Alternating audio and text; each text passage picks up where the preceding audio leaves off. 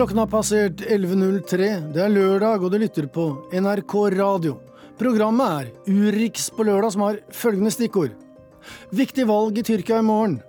Internering av barn i USA. Svensk valg til høsten. Fredsprosesser.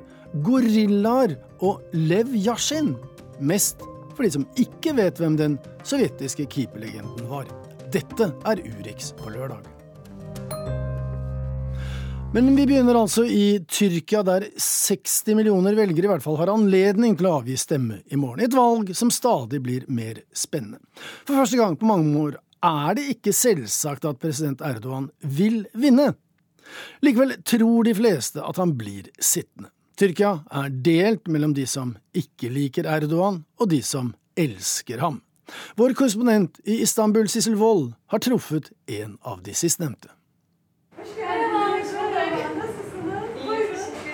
Hun tar imot oss med et stort smil. Gulgur selv ønsker velkommen inn i bakeriet Kakemakeren. Hun har hvitt skaut over håret, et rødt og hvitt rutete forkle og svarte bukser. Ja, jeg er en av dem som ønsker at Erdogan skal styre landet i ti år til, sier hun. Gursel er en self-made woman. Hun kom fra Anatolia for 16 år siden som nyskilt kvinne og enslig mor. Hun hadde bare ni lire i lommen og måtte starte helt fra scratch i Istanbul. Jeg jobbet på restauranter. Jeg sto i oppvasken, og så fikk jeg leid et sted der jeg laget mat, og så begynte jeg med catering, forteller hun.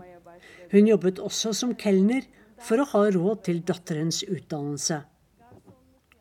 Recep Tayyip Erdogan nyter stor respekt og støtte hos de mange millioner konservative og fattige fra landsbygda i Anatolia, som har tatt steget opp i middelklassen under hans styre. Med økonomisk oppsving og hjelp har mange flyttet fra gamle landsbyhus og inn i moderne leiligheter i Istanbul og omegn. Det sekulære opposisjonspartiet CHP har sett arrogant ned på sine konservative og religiøse landsmenn i Anatolia. Erdogan derimot har gitt dem respekt ved å ta livsstilen og troen deres på alvor. Eh, Gul Gursel elsker Erdogan, ikke minst for alt han har gjort for konservative kvinner som bærer hodeplagg. Erdogan åpnet dørene på universitetene for jentene våre, slik at de kunne ta utdannelse. Nå kommer også de seg opp og frem, og de gjør seg gjeldende i samfunnet nå, sier bakerisjefen. Mens hun legger opp kaker og bakverk på store fat, minner hun også om hvor mye Erdogan har gjort for å modernisere Tyrkia. Veier, flyplasser og tunneler, alt har han bygget. Geldiğiniz havaalanında uçaktan indiğinizde Når du ankommer Tyrkia med fly, trenger du ikke å vente i kø. Du går rett på en buss, eller du tar metroen. Det finnes alle slags transportmuligheter nå. Alt er lagt til rette for oss av Erdogan. Når du kommer til Istanbul, er det som å komme til et europeisk land. Det er jeg stolt av, og jeg er stolt av å ha en slik president, sier den smilende kvinnen. Hun setter inn et stort brett med kaker i en av ovnene. De fleste kakene er av det litt tørre slaget, laget etter gamle osmanske oppskrifter. Vi får rikelig med te mens vi er i bakeriet, som også er en kafé. Men den økonomiske krisen som rammer Tyrkia nå, rammer også kakebakeriet til Gursel. Og pga. unntakstilstanden er gaten utenfor stengt med politisperringer.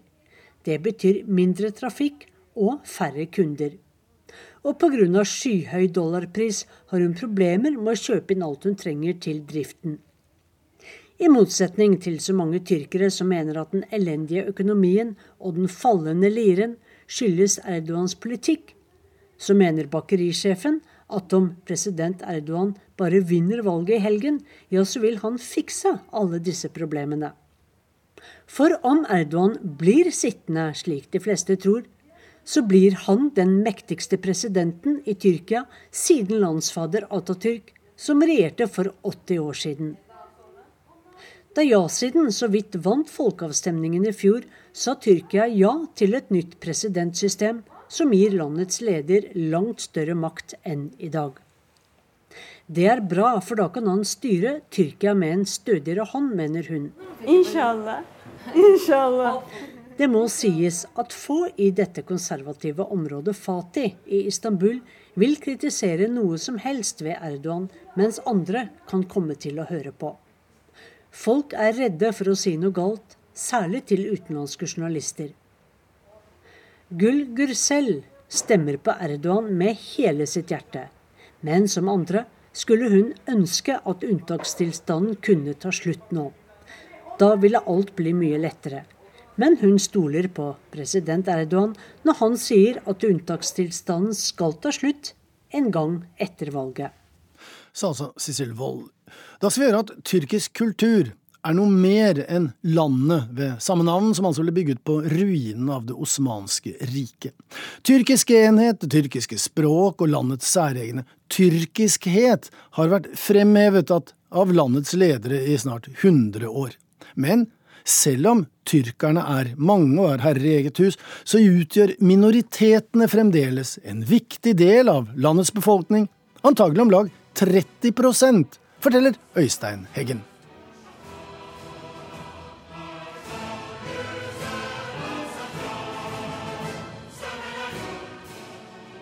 Tyrkias nasjonalsang, en patriotisk frigjøringsmarsj fra 1921, som motiverte soldatene som kjempet for tyrkisk uavhengighet, mot tap av landområder og mot internasjonal overhøyhet, som fulgte etter tapet i første verdenskrig og oppløsningen av det osmanske sultanriket.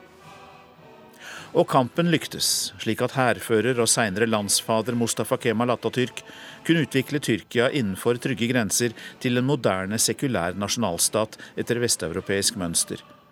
Men språket, den særegne tyrkiske kulturen og slektskapet østover mot Asia ble også dyrket fram. Den islamske arven ble derimot skjøvet til side og til dels undertrykket. Nå fremheves det muslimske igjen, mer og mer av Recep Tayyip Erdogan og hans parti. Tyrkiskhet, islam og det sekulære, det er de tre til dels motstridende båndene det moderne Tyrkia er forankret med, forteller professor i tyrkisk ved Universitetet i Oslo, Bernt Brendemoen, på telefon fra Tyrkia. Tyrkerne som folkeslag eh, kom fra Sentral-Asia til det landet som er Tyrkia i dag, på 1000-tallet etter Kristus, og uh, har da røtter i, i Sentral-Asia og er jo uh, nære slektninger med andre tyrkiske folkeslag. Så den historiske linjen til Sentral-Asia og videre øst faktisk til dagens Mongolia også, den spiller en viss rolle for mange. Dessuten så har det altså da det eh, muslimske, som for andre spiller en mye større rolle.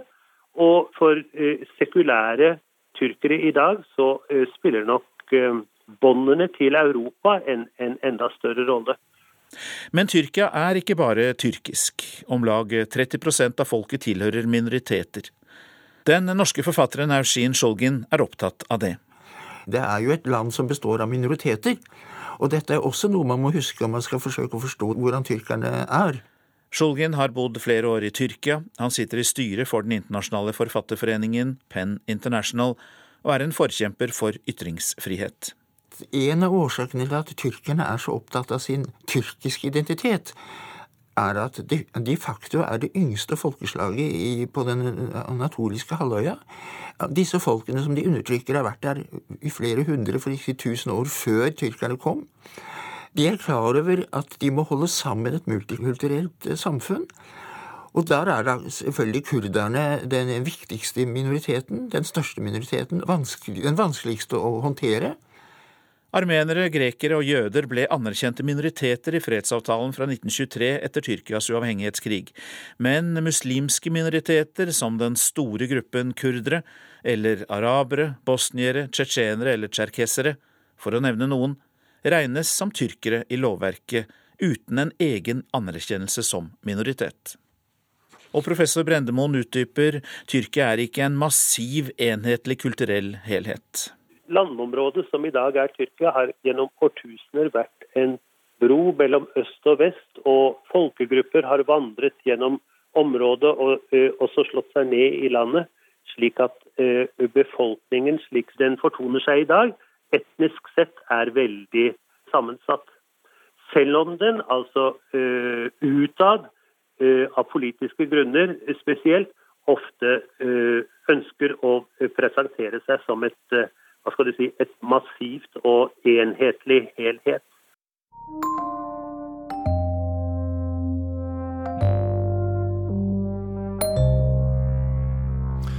Da skal vi til ukens store sak, både politisk og mellommenneskelig. For i USA har 2000 barn av illegale innvandrere fått stor oppmerksomhet da de etter ankomst til USA ble internert, adskilt, som vi har hørt i denne uken, fra sine foreldre. Den separasjonspolitikken som altså ble avblåst av president Trump på onsdag, var i strid med det mange amerikanere mener er amerikanske grunnverdier. Og så stilles da spørsmålet Kanskje disse verdiene er modne for justeringer.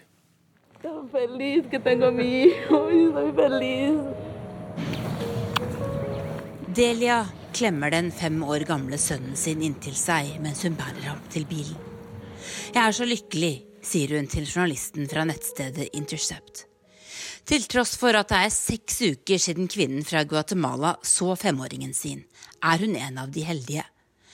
En av de aller første som ble gjenforent med barnet amerikanske myndigheter tok fra henne da hun kom over grensen fra Mexico 7. mai for å søke asyl.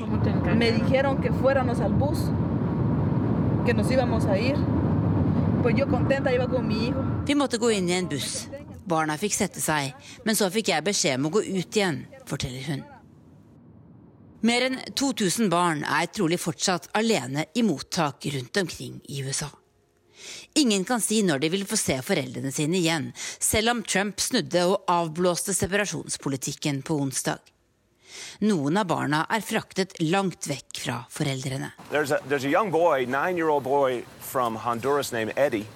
He was at, taken from his mom at Eagle Pass, Texas, put on a bus with a federal escort to go 2,000 miles to New York City.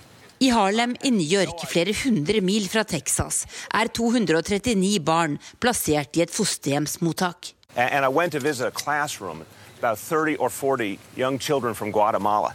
Borgermester Bill de Blasio er opprørt. Han har besøkt senteret og sett små barn som ikke aner hvor foreldrene er. Uh, some have lice, some have bed bugs, uh, chicken pox, all sorts of uh, contagious De Blasio forteller at hodelus og vannkopper nå også sprer seg blant barna i mottaket.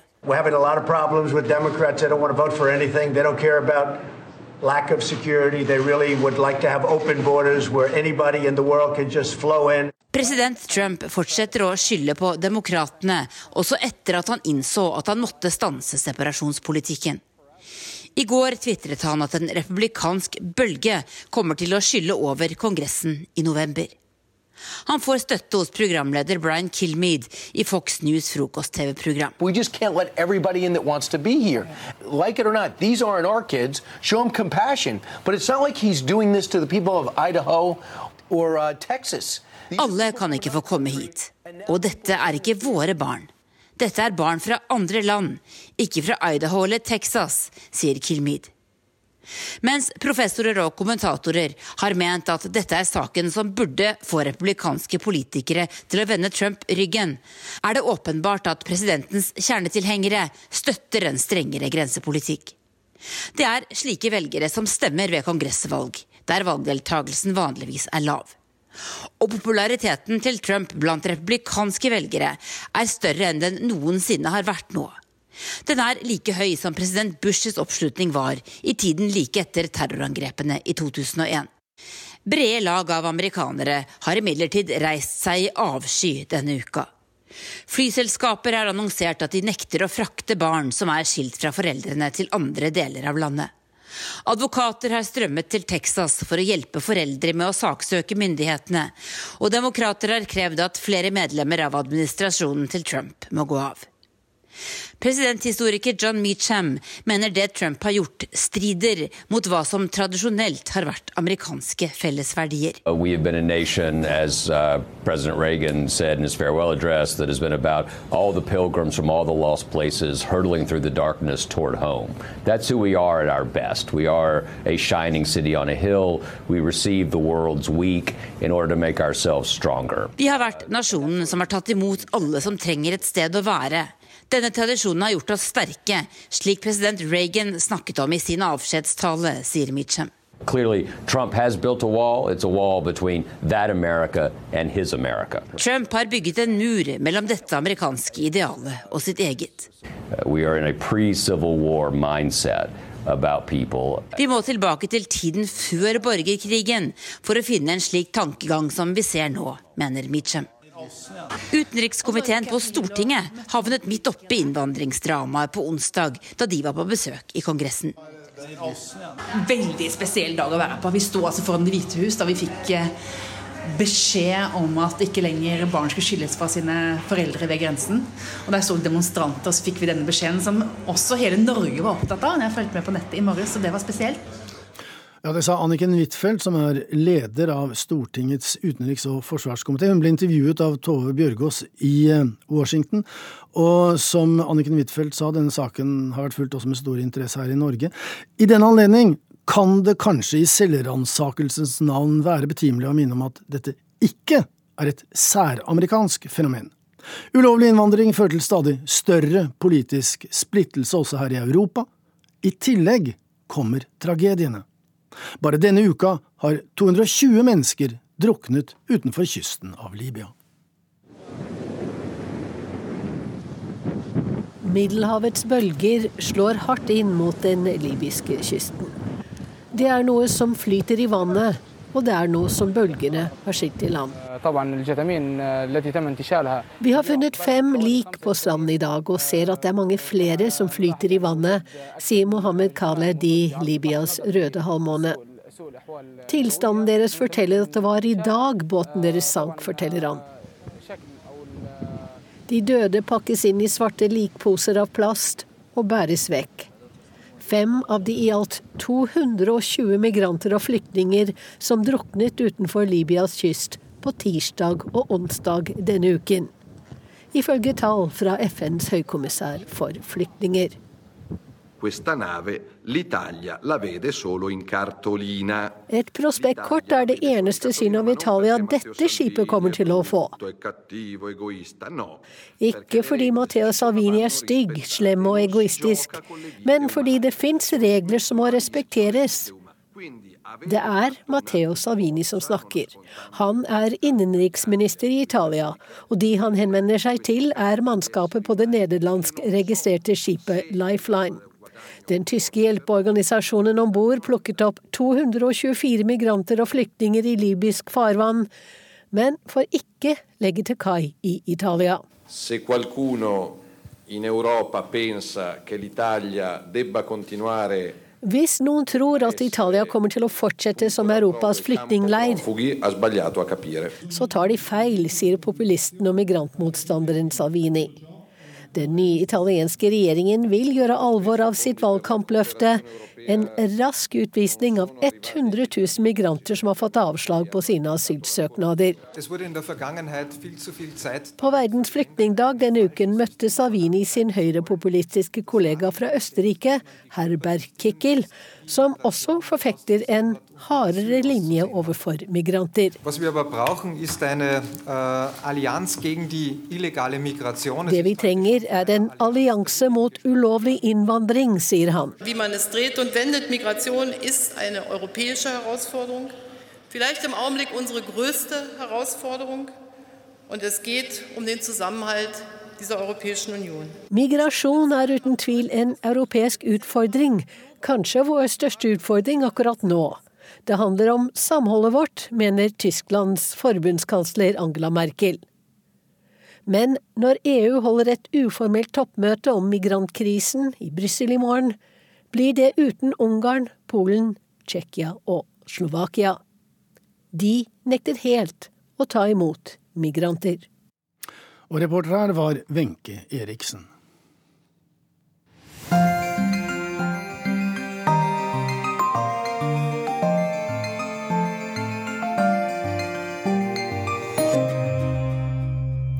I Sverige er det valg om tre måneder, altså i september, og valgkampen er allerede godt i gang.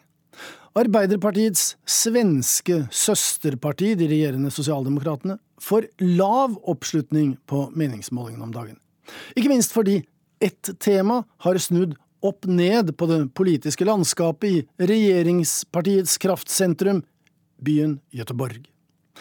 Tre partier der er nå mer eller mindre jevnsterke. Både de moderate, altså Høyre, og Sosialdemokratene har mellom 15 og 20 prosents oppslutning, gitt av feilmarginer og variasjoner. Men det samme har et helt nytt parti, Demokratene. Årsaken er striden om den såkalte Vestlenken, en omstridt jernbanetunnel for pendlere midt i byen. Kollega Charlotte Bergløff har tatt turen til Göteborg for å finne ut hva dette egentlig dreier seg om. Det er morgen i den gamle bydelen Haga, sentralt i Gøteborg. På lekeplassen i den grønne oasen nedenfor festningen, Skansen Kronan, spiller barna fotball. Solen speiler seg i vinduene på de gamle trehusene som ligger langs den brostensbelagte gågaten Haga Nygata, der folk spiser økologisk brød og nyter en caffè latte til frokost på søte små kafeer. Ja, ved et bord sitter to venninner i engasjert samtale. Vi drister oss bort med mikrofonen for å spørre hva de snakker om. Vi sitter og prater om Vestlenken. Eh, for det prater vi om nesten hver dag. Hva er Vestlenken? Vestlenken er et kjempestort byggeprosjekt når man skal bygge eh, jernveispor og tunnel under jorden i det lerige Göteborg. Vi har bodd her i så mange år, vi elsker Haga. Vi skal flytte nå. Dere skal flytte? Hvorfor det? Ja, dels for Vestlenken, derfor at det kommer bli fruktansvært uvesen her. Etter 22 år i den flotte leiligheten i tredje etasje i Haga Nygata skal Anna Westerstel flytte. Hun orker ikke tanken på å skulle tilbringe de neste ti årene på en byggeplass. Hun har heller ikke troen på prosjektet, som har fått en prislapp på 20 milliarder kroner. Men etter flere tiår med intens debatt har den såkalte Vestlenken nå fått grønt lys av politikerne i Gøteborg. Vestlenken er en ca. 8 km lang dobbeltsporet jernvei gjennom sentrale Gøteborg. Trafikkverkets mange informasjonsfilmer forklarer oss hva det hele dreier seg om. En åtte kilometer lang togtunnel skal bygges under sentrum av byen, i håp om å skape bedre fremkommelighet. Bygget av Vestlenken kommer til merkes. For prosjektet er komplisert. De må grave gjennom leire, under verneverdig bebyggelse. Trær kan måtte bøte med livet, og flere gater må sperres av. Jeg er sikker på at det er en katastrofe. Men det ser jo veldig fint ut. Er det ingen positive sider ved Vestlenken? Jo, det er det vel antagelig, eh, som jeg har litt svårt å se. Men... Anna er ikke alene om å ha vanskelig for å se de positive sidene i prosjektet, som skal stå ferdig i 2026. Stoppa Vestlenken! De siste årene har flere tusen gøteborgere demonstrert mot tunnelen. Og da det første spadetaket ble tatt i slutten av mai, ble göteborgerne holdt på avstand med solide sperringer og høye gjerder. De sier at de har en dialog med oss medborgere, men vi får ikke engang se spadtagen. Det er symbolen for hvordan staden har eh, ført dialogen med oss hele tiden. Barbara Lindell var en av dem som hadde møtt opp da spadetaket ble tatt. En, to, tre! Opprørt over at politikerne i byen ikke har lyttet til dem. For det er det som provoserer gøteborgerne i saken om Vestlenken. Hvorfor har politikerne gått imot folkeviljen og majoriteten, som ikke vil ha den nye pendlertunnelen, og som mener det hele er bortkastede penger. Altså, jeg har jo vært göteborgere ganske mange år. Eh, Ann Sofie Hermansen tar oss imot i rådhuset. Hun er ordfører i Gøteborg og den som har måttet ta kritikken, selv om det er bred politisk enighet om å bygge Vestlenken. Som sosialdemokrat ser hun at det koster. Partiet hennes Sosialdemokraterne stuper på meningsmålingene. Etter 25 år med ledervervet i den gamle arbeiderbyen viser ferske meningsmålinger under 15 oppslutning for Arbeiderpartiets svenske søsterparti i Gøteborg. Hvorfor må dere ha Vestlenken? For at Ja, jeg tror at anledningen er at vi ikke har vært tilräckligt pedagogiske og kunnet forklare hvor viktig den er for denne framtida Göteborg. Hermansson forklarer at Vestlenken er del av et større prosjekt. Den såkalte vestsvenske pakken, som er en storsatsing på jernbane, kollektivtransport og nye veier i Vest-Sverige. Regjeringen tilbød Göteborg finansiering til å realisere prosjektet, dersom de innførte bompenger og aksepterte Vestlenken. Skal man styre en stad og skal man liksom fortsette å utvikle den, så kan man, kan man ikke si nei til den sortens finansiering og til den sortens utviklingsmuligheter som vi hadde sjansen til. Så regjeringen ga dere et tilbud, men med et vilkår, ja. som var å innføre trengselsskatten? Ja, så var det. Ordføreren sier at det derfor er helt urealistisk å skrote Vestlenken, men enkelte mener hun tar feil.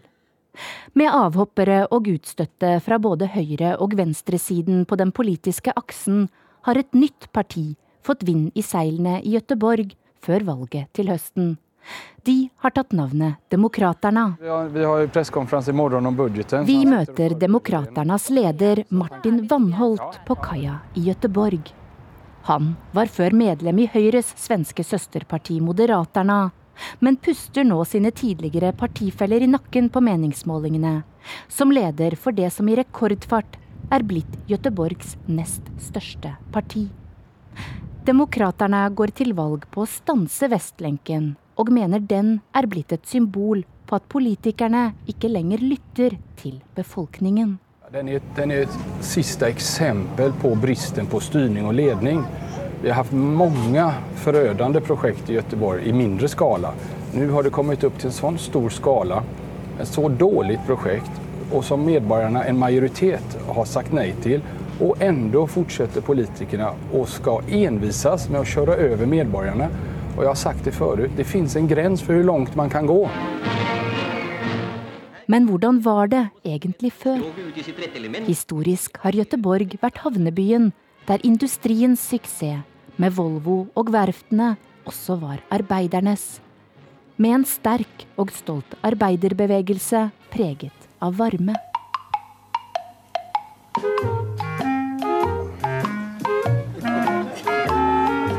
En varme som for norske TV-seere kanskje er best kjent i møte med Albert og Herbert. Waschenkis åpningsdrag fra VM-Gambit 73, og så flytter du eggkappen hele tiden! De fattige skraphandlerne skildret med nærhet og humor, som bodde i nettopp Haga.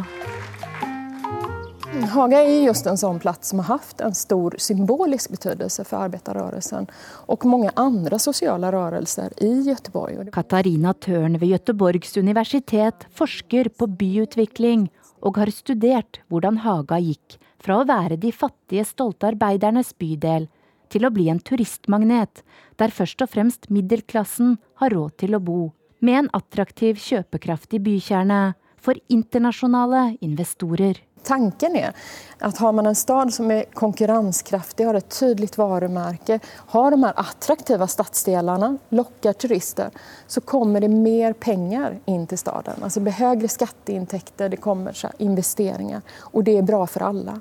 Men det forskere ser, er at den teorien nå slår sprekker i byer verden rundt. Denne ideen om en win-win, eh, den stemmer ikke.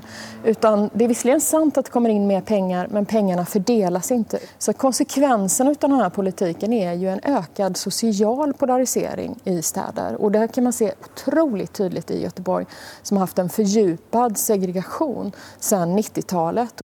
Forskere som Tørn mener at selve byplanleggingen har vært med på å skape en segregert by der forskjellene øker. Hva som historisk har vært sosialdemokratins politikk, som, som har gått ut på att utjevne ekonomiska skillnader. i dag øker de i stedet kraftig. Problemene det medfører, påvirker debatten i Sverige før valget. Der misnøyen med at politikerne ikke synes å lytte til befolkningen i Gøteborg, får utløp i kampen om en tunnel. Spørsmålet er om et nytt parti som Demokraterna vil by på en ny politisk retning, med eller uten Vestlenken.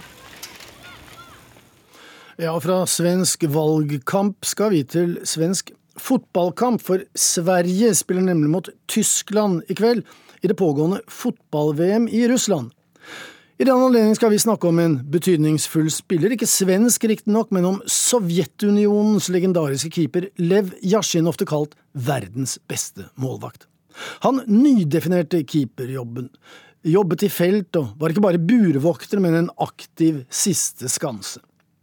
28 år etter at han døde, er Yashin igjen aktuell. Han er avbildet på den offisielle VM-plakaten. En ære, og det med god grunn, forteller NRKs fremste Yashin-ekspert, Moskva-korrespondent Morten Jentoft.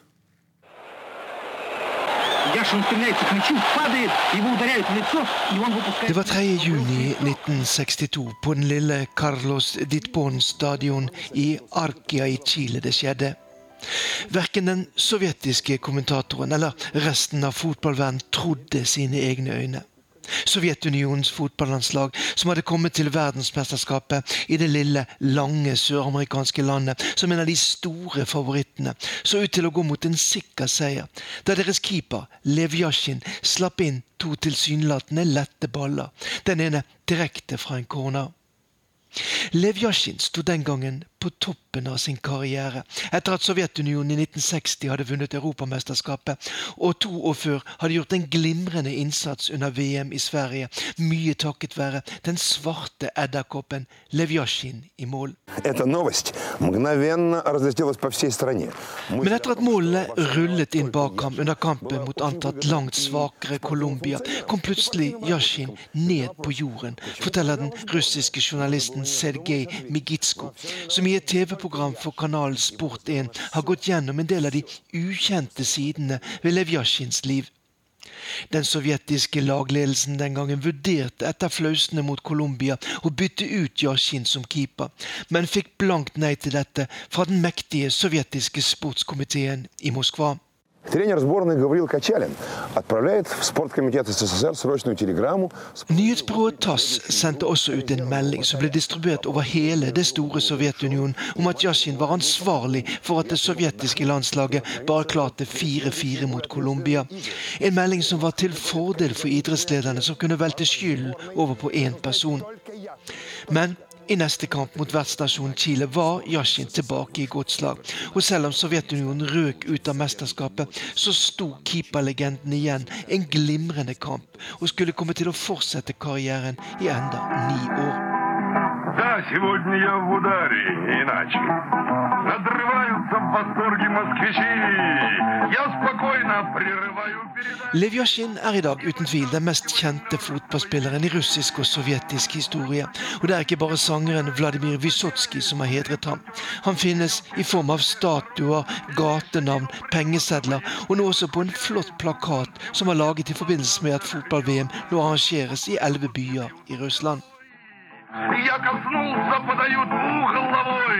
Бьет десятый. Дело в том, что своим сухим листом размочить он может счет нулевой. Levjasjin var født i en arbeiderfamilie i Moskva og ble allerede som tenåring under krigen nødt til å jobbe for å brødfø familien. Senere ble han sendt til en våpenfabrikk, og det var der man oppdaget at den lange og senede Yashin hadde talent for idrett. Snart havnet han i klubben Dynamo med base på Leningradskij-prospektet i Moskva. Og tradisjonelt tett knyttet til det hemmelige sovjetiske politiet, i dag mest kjent som KGB. Under VM i fotball i Sverige i 1958 markerte Yashin seg så godt at han ble valgt ut til verdenslaget. Og i 1960 vant altså Sovjetunionen Europamesterskapet i fotball med Lev Yashin som en av de mest markante spillerne. Я, товарищи, дорогой, вас понимаю. пойдите прочь. Да вам лучше, если хуже я играю. Но поверьте, я не в силах вам помочь. I hjemlandet vokste Levjasjins status til uante høyder utover 1960-tallet, til tross for det lille tilbakeslaget under fotball-VM i Chile i 1962. Han hadde allerede tidlig i sin karriere gjort det til en tradisjon at han etter hver utenlandstur sørget for å kjøpe blomster som han hadde med seg hjem til Valentina. Dette var noe som ble lagt merke til, og ikke akkurat gjorde ham mindre populær, særlig blant sovjetiske kvinner. Причем ребята над ним всегда смеялись, нашел чего везти из-за границы, цветы. Etter hvert fulgte de andre spillerne på Dynamo det sovjetiske landslaget opp denne tradisjonen, forteller Valentina Jasjina. I 1984 måtte Lev Jasjin amputere det ene beinet pga. nekrose eller celledød. Lev Yashin hadde helt siden han var 13 år vært en kjederøyker, og dette fortsatte han også med etter amputasjonen. På slutten av 1980-tallet forverret helsen til den en gang så atletiske Yashin seg dramatisk, og 20.3.1990 døde han av magekreft, 60 år gammel. Men i 2018 er det den store idrettsmannen Lev Yashin som vi husker, på plakater og i videoklipp i forbindelse med fotball-VM i hans eget hjemland не справиться с тобой. Видно, жребий мой такой, потому и ухожу на покой. Ja, og da skal det dreie seg om eh, fredsprosesser, blant annet fordi deltakelse i samtaler og forhandlinger mellom parter i krig og konflikt er et viktig mål i norsk utenrikspolitikk. Senest kronet med hell og nobelpris til Colombias president Juan Manuel Santos i 2016. Men sist helg så valgte altså et flertall av colombianske velgere en ny president som sier at han vil reforhandle fredsavtalen med den tidligere geriljagruppen FARC, annet med sikte på straffeforfølgelse av det myndighetene i Colombia definerer som krigsforbrytere, altså tidligere geriljasoldater. Men hvor fruktbart er egentlig det? En av dem som vet mest om fredsprosesser i Norge, er Jan Egeland. Forleden avla vi kontoret hans i Flyktninghjelpen et besøk og spurte om ikke parter i slike konflikter bare må innse at fredsavtaler aldri kan bli perfekte, men at fredsavtaler tvert imot alltid er et resultat av kompromisser der begge parter føler at de har gitt for mye. Jo, den bitre lærdommen fra fredsarbeid som jeg har vært med i, meglingsarbeid i Midtøsten, i Afrika og Latin-Amerika, er at valget dessverre står mellom ufullkommen fred og fullkommen krig. Og i valget mellom de to alternativene er det ingen tvil om at en, en kompromiss som begge parter ikke er fornøyd med, er mye bedre enn fortsatt krig. Colombia, eh, så er jo det et, eh, faktisk en mulighet at en del av eh, geriljasoldatene, menn nå det kan være i 30-, 40- og 50-årsalderen, vurderer frem og tilbake hvor mye tjener jeg på å fortsatt legge bort kalasjnikoven, og hvor mye kan jeg tjene på å ta den ned igjen fra veggen i hytta mi og slutte meg til en av de mange gruppene som har begynt å slåss igjen og begynt å ta territorium, bl.a. for å dyrke narkotika. Du er nå generalsekretær i Flyktninghjelpen, Jan Egeland, og du ser jo konsekvensene av konflikter med ingen eller med en dårlig fredsprosess i ditt eh, daglige virke. Samtidig så har du jo da erfaring på dette felt, både fra, fra Utenriksdepartementet, fra Røde Kors, fra Amnesty, fra Human Rights Watch, ikke minst fra, fra FN, for å nevne noe. Men etter din erfaring, hva må til for å etablere en, en varig og bærekraftig fredsprosess som fører til fred?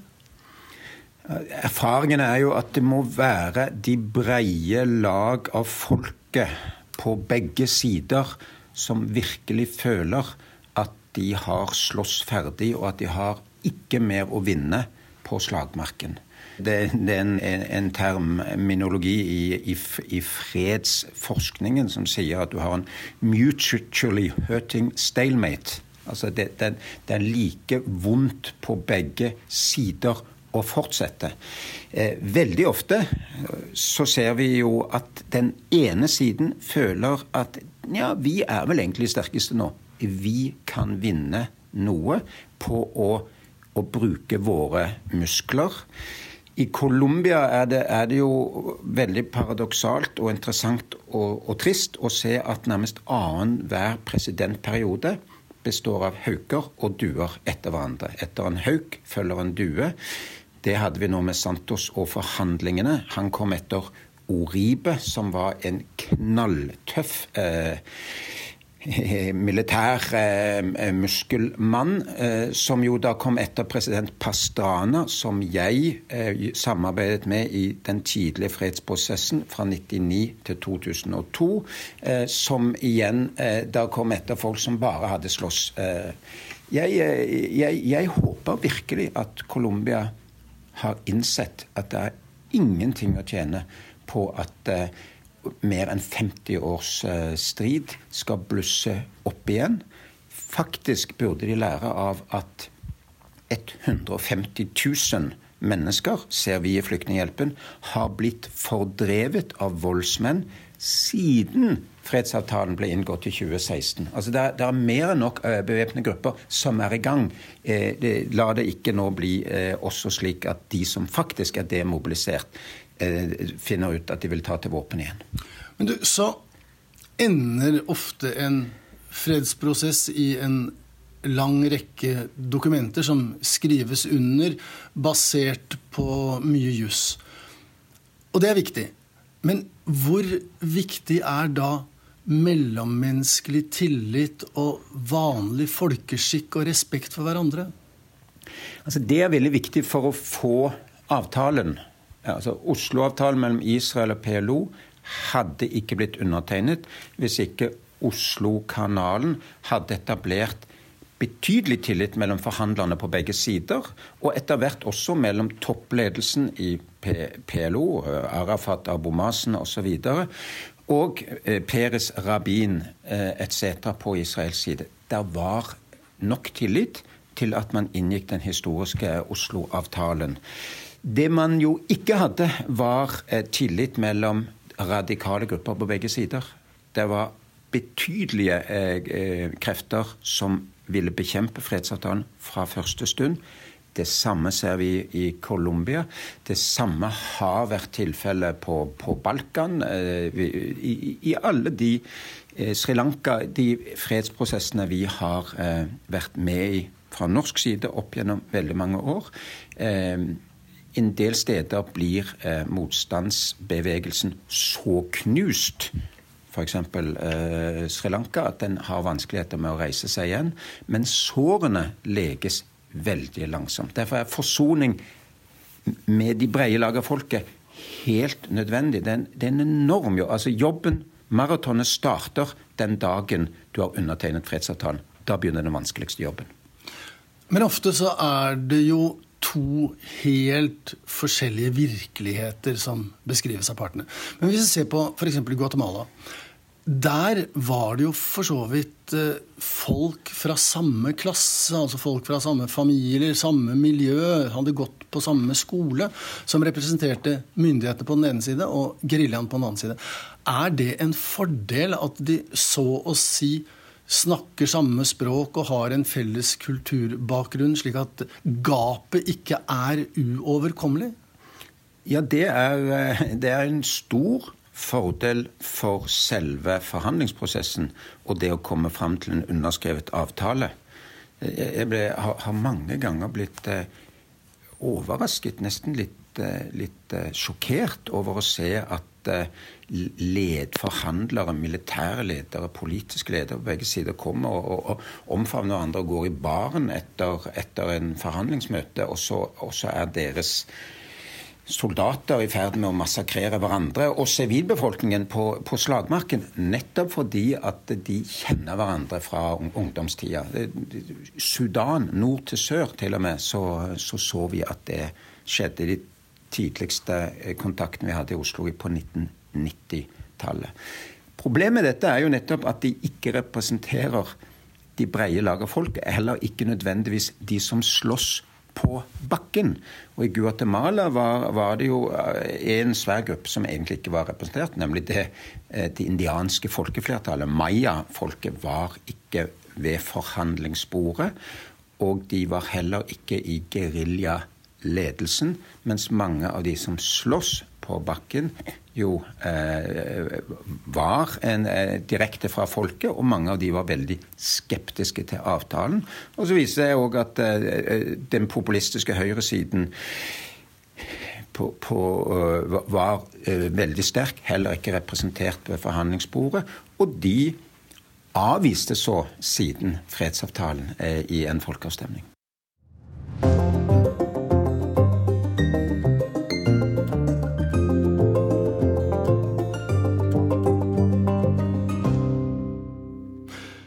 Ukens korrespondentbrev det kom fra Afrika, der avsender Kristine Presttun har vært i jungelen og møtt eh, slektninger, for å si det på den måten, eller for å si det på en annen måte. Fjellgeriljaer i Uganda. Er det noen som er forkjølet her? Viltvokteren Wilber Tomwesije ser nøye på hver og en av oss. Vi sitter som skoleunger foran rektor i landsbyen Nkoringo sørvest i Uganda. Han forlanger ærlige svar. Jeg kjenner på litt rusk i halsen. Er ikke nesa litt tett? Det er nok bare pollenallergi. Den er ikke smittsom. En uskyldig menneskeforkjølelse kan være nok til å ta knekken på en fjellgorilla på 250 kilo, en av verdens mest utrydningstruede dyrearter.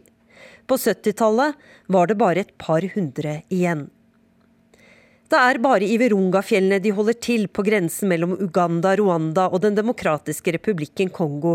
Og her, noen mil lenger nord, i den nesten ugjennomtrengelige regnskogen Bwindi. Dit er vi på vei. Denne våren har det kommet gode nyheter.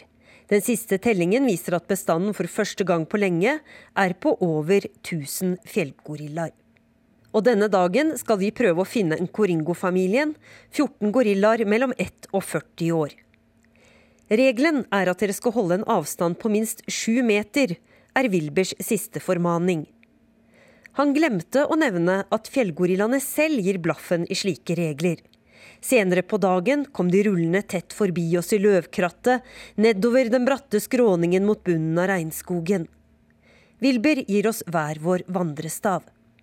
Regntiden er nettopp over. Landskapet er irrgrønt.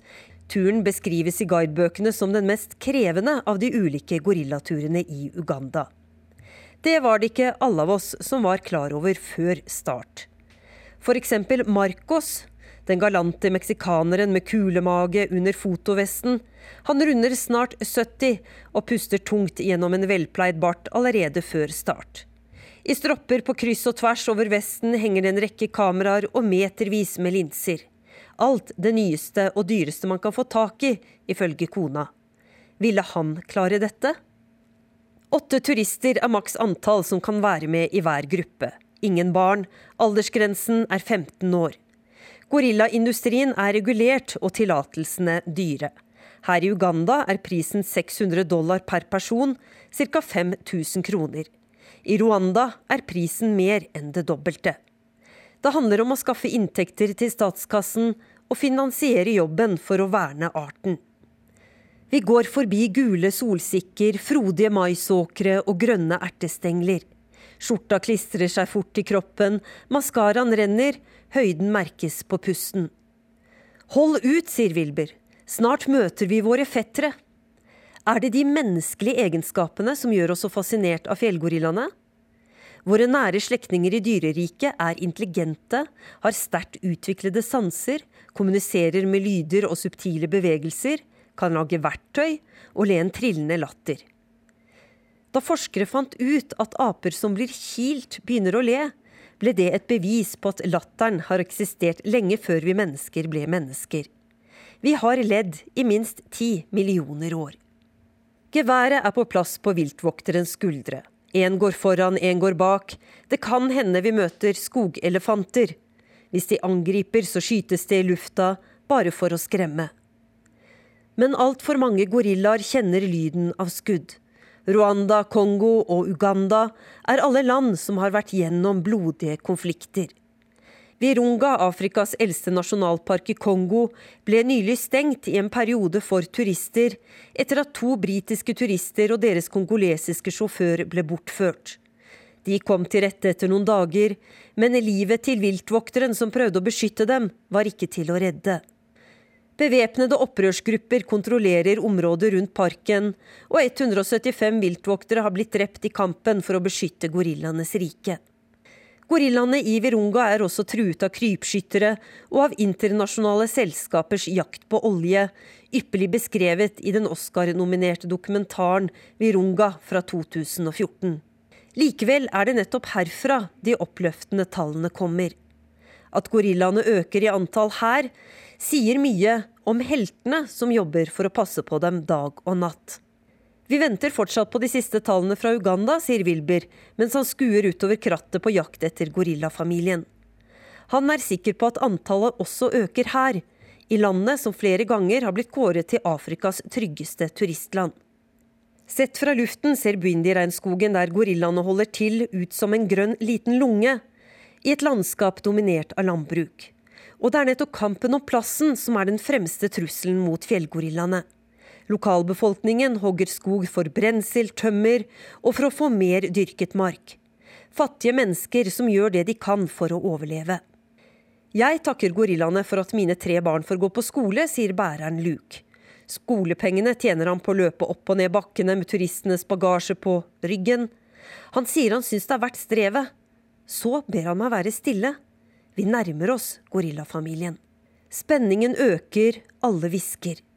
Bortsett fra Marcos, som gir beskjed til hodekameraet sitt.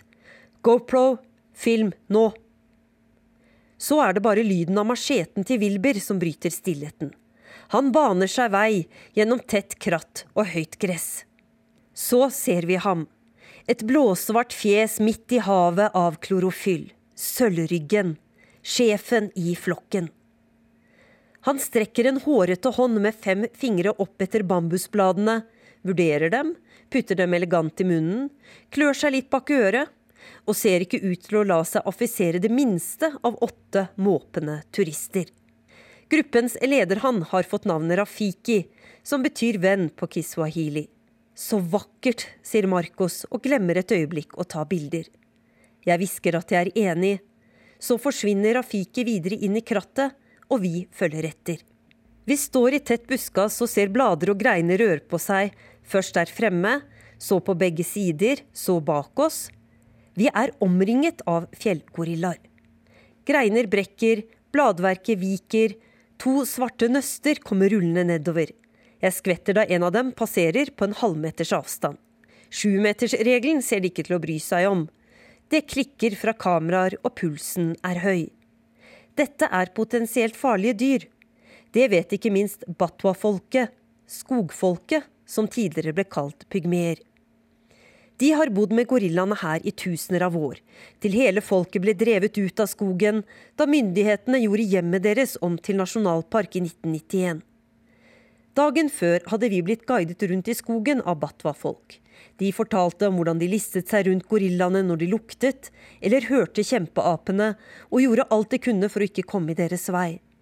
En hadde selv sett at onkelen fikk en arm revet av i et møte med regnskogens konger, men også hvordan gorillabarn uforvarende kunne havne i dyrefellene deres.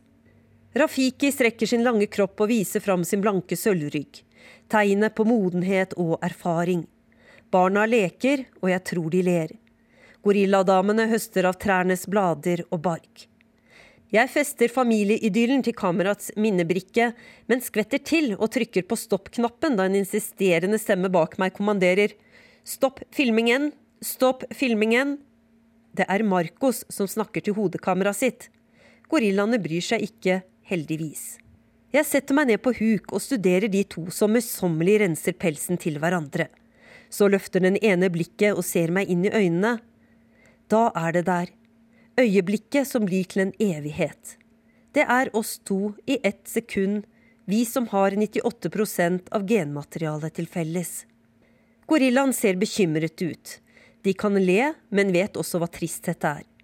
Det er vår plikt å sørge for at de får litt mindre å sørge over. Etter en time er eventyret over. Superfotografen Marcos tar seg til knærne og kaster inn håndkle. Svetten drypper fra den uflidde barten. Viltvokteren kaller opp flere bærere. Besetningen på det de kaller det flyvende helikopteret. Etter en halvtime kommer tolv karer småløpende nedover de stupbratte åssidene med en flettet båre. Marcos legger seg taust til rette, og de tolv bytter på å bære ham opp igjen. Midtveis oppover lia står en gutt midt i en liten kornåker.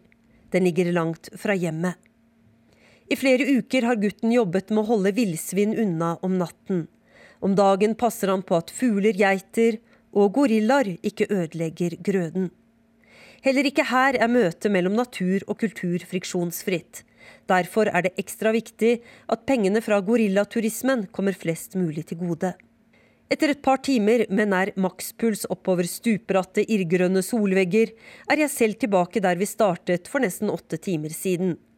Marcos sitter og vurderer de 1200 bildene han tok.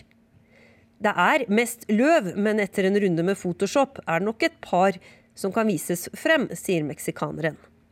Han smiler til bildet av en gorilla som ser bekymret tilbake på Marcos.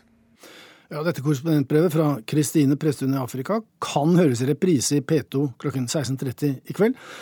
For da sender vi som vanlig en forkortet halvtimes versjon av dagens Urix på lørdag-sending. Med det nærmer vi oss stengetid, men før vi slår av rødlyset, så er det kanskje på sin plass å fortelle hvem vi er. Teknisk ansvarlig det var Hilde Tosterud. Produsent Ragnhild Vartdal. Og i studio, ja, her sitter jeg,